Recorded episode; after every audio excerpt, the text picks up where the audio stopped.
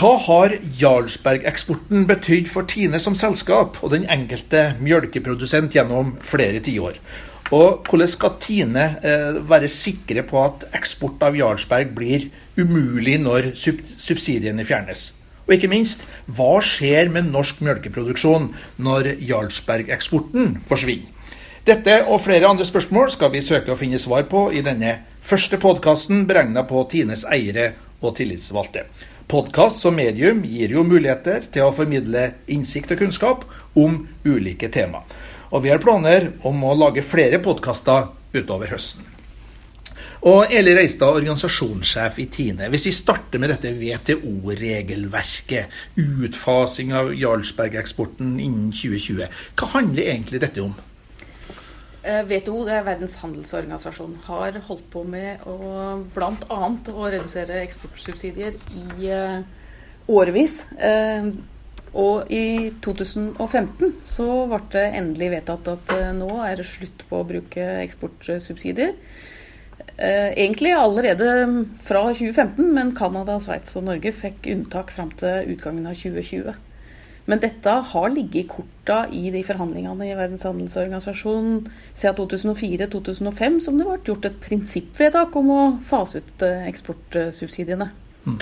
Og i 2008 var vi faktisk veldig nære at det ble inngått ei brei avtale. Så, så det kunne ha skjedd før, men nå er det endelig datoen satt. Så dette har vært varsla.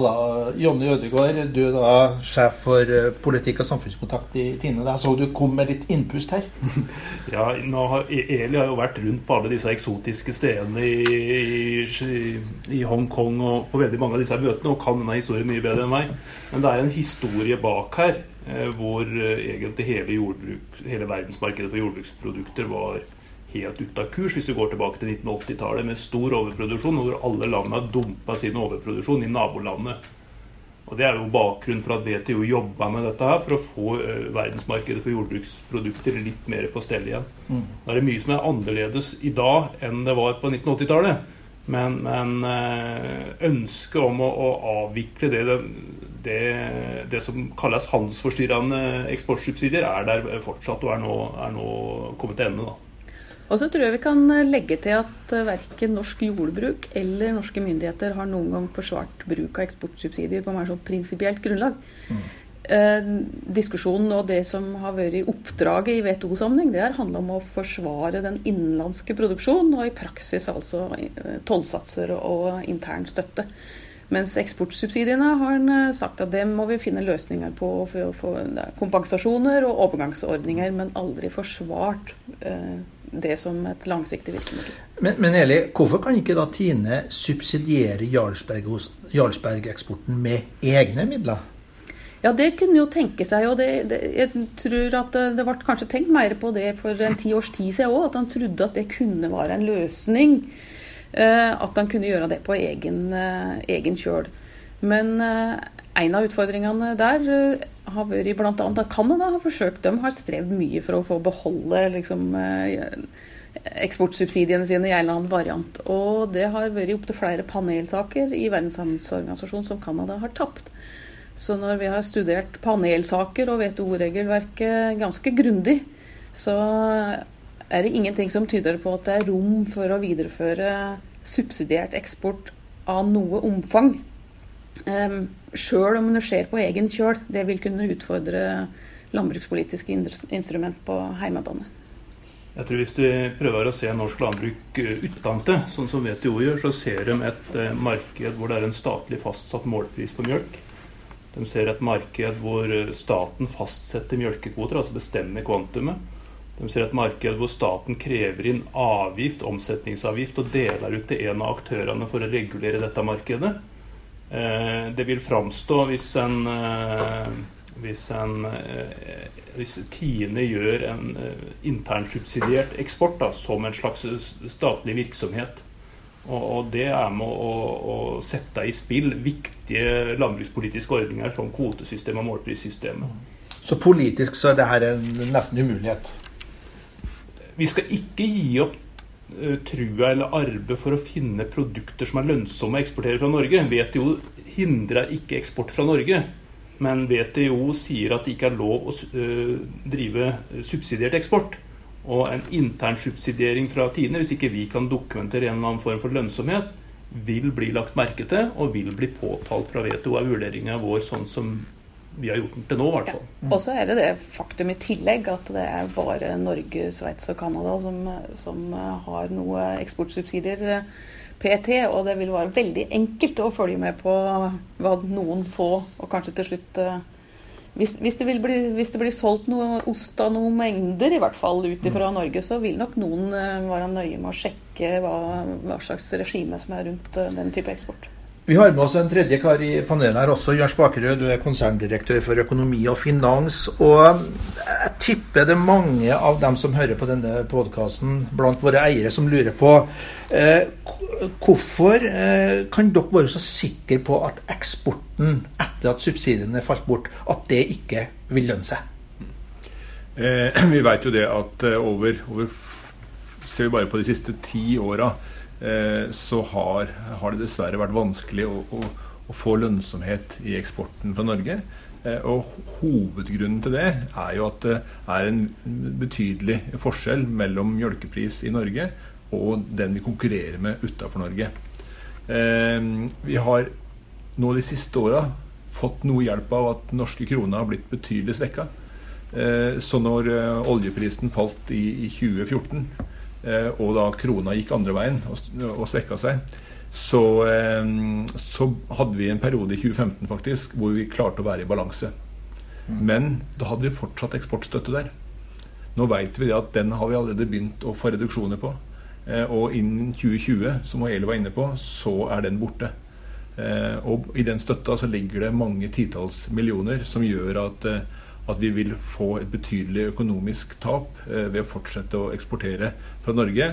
Og, og melkeprisen som den enkelte bonde vil få i realiteten på den melka, eh, vil bli svært lav. Og så har vi jo et moment med at vi allerede produserer Jarlsberg ute både i USA og på lisens også i, i Irland.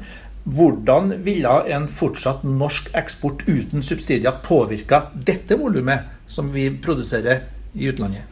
Klart, Som både Eli og Jonny var inne på, så, så har vi her en mulighet til å kunne fortsette å eksportere så lenge vi på en måte gjør det og dekker kostnadene våre i Norge. Eh, men da betyr det at vi må sette opp prisen ganske så mye Norge, på den norskeksporterte osten for at vi skal kunne klare å gjøre det. Og, og, gjør vi det, så kan vi nok sikkert fortsette å selge noe volum eh, på en høy, høy, pris, men vi vet at allerede i dag så ligger Jarlsberg høyt i pris sammenligna med de produktene vi selger i, i, i, USA og andre markeder som konkurrentene våre kommer med. Det er produkter som for mange er relativt like Jarlsberg. Selv om vi vil like å tro at det er noe annet, så er de relativt like i både smak og, og behov. Eh, behovsløsning. Og da det, var, det, å da ligge veldig mye høyere i pris er, er, vanskelig. Og vi ligger som sagt allerede litt høyt i pris. Skal vi gå enda høyere, så tror vi at det vil komme til å gå mye utover det salgsvolumet som vi har. Så det har vært en stor risikosport, eh, rett og slett? Helt klart. Vi, vi hadde jo en periode her for, eh, for en halvannet år siden hvor vi valgte å sette opp prisen eh, noe for å få bedre lønnsomhet totalt sett. Eh, og vi så det umiddelbart på volumet, spesielt i USA, men også i de andre markedene. Dette er jo en veldig vond sirkel, kan du si. For hvis en setter opp prisene, så går volumet ned. Og så får en mindre volum å fordele de faste kostnadene på. Og så må en sette opp prisen enda mer for å dekke inn faste kostnader, og så går volumet enda lenger ned. Og da skrur en seg ned og ødelegger vel i løpet av ganske kort tid verdien av det som er skapt der ute. Ja, og, og, når vi ser at eh, må ikke tenke bare på den norskproduserte Jarlsbergen her. Klart, vi har jo allerede produksjon av Jarlsberg i USA.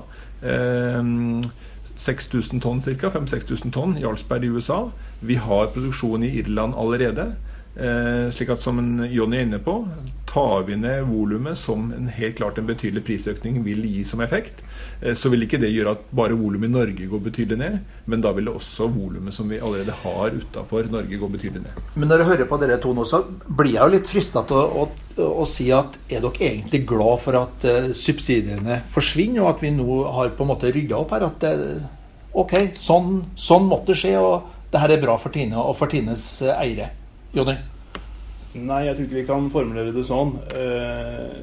En, en, det å delta i et internasjonalt varebytte kunne vært fornuftig med norsk mjølk, men det ville forutsette en annen finansiering av det vi har i dag.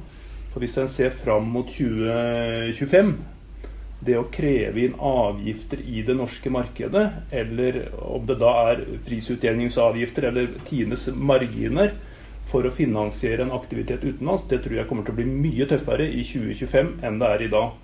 Så, så det, det tror, Den diskusjonen jeg tror han uansett ville fått, eksportsubsidier eller ikke, det er om det, om det er klokt ut ifra behovet vårt for å forsvare hjemmemarkedet. Behovet vårt for å forsvare eh, norsk ost i det norske markedet mot en stadig økende import.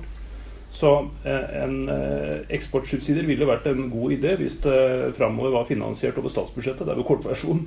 Mm. Så er jo spørsmålet da, når, når det her gradvis nå skjer fram mot 2020, hva vil da skje med norsk melkeproduksjon? Det er ti eh, milliarder kroner-spørsmålet. Eh, og det vil avhenge av hvor godt vi lykkes i Norge, først og fremst. Hvor godt vi lykkes i Norge med å vinne den norske forbruksveksten. Hva, hva betyr det sånn eh, i praksis? I praksis så vet vi at det blir en, eh, en snau prosent flere nordmenn hvert år. Eh, det betyr at det underliggende, kanskje ikke hvert år, men underliggende er en vekst i forbruket av mjølk og meieriprodukter. Hvor stor den veksten er, er avhengig av eh, hvor god meieriindustrien samla er i å, å, å, lansere produkter som appellerer til forbrukeren. Om man velger mer leverpostei eller mer ost, rett og slett. Eh, og hvor stor del av den kaka som norsk meieriindustri får, det er avhengig av vår konkurransekraft.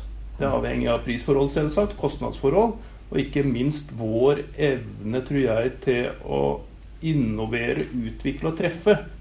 Eh, med, med, med, både industrielt, men også kvalitativt. Altså treffe med markedsføringa vår, treffe med nisjeproduktene våre inn i dette markedet.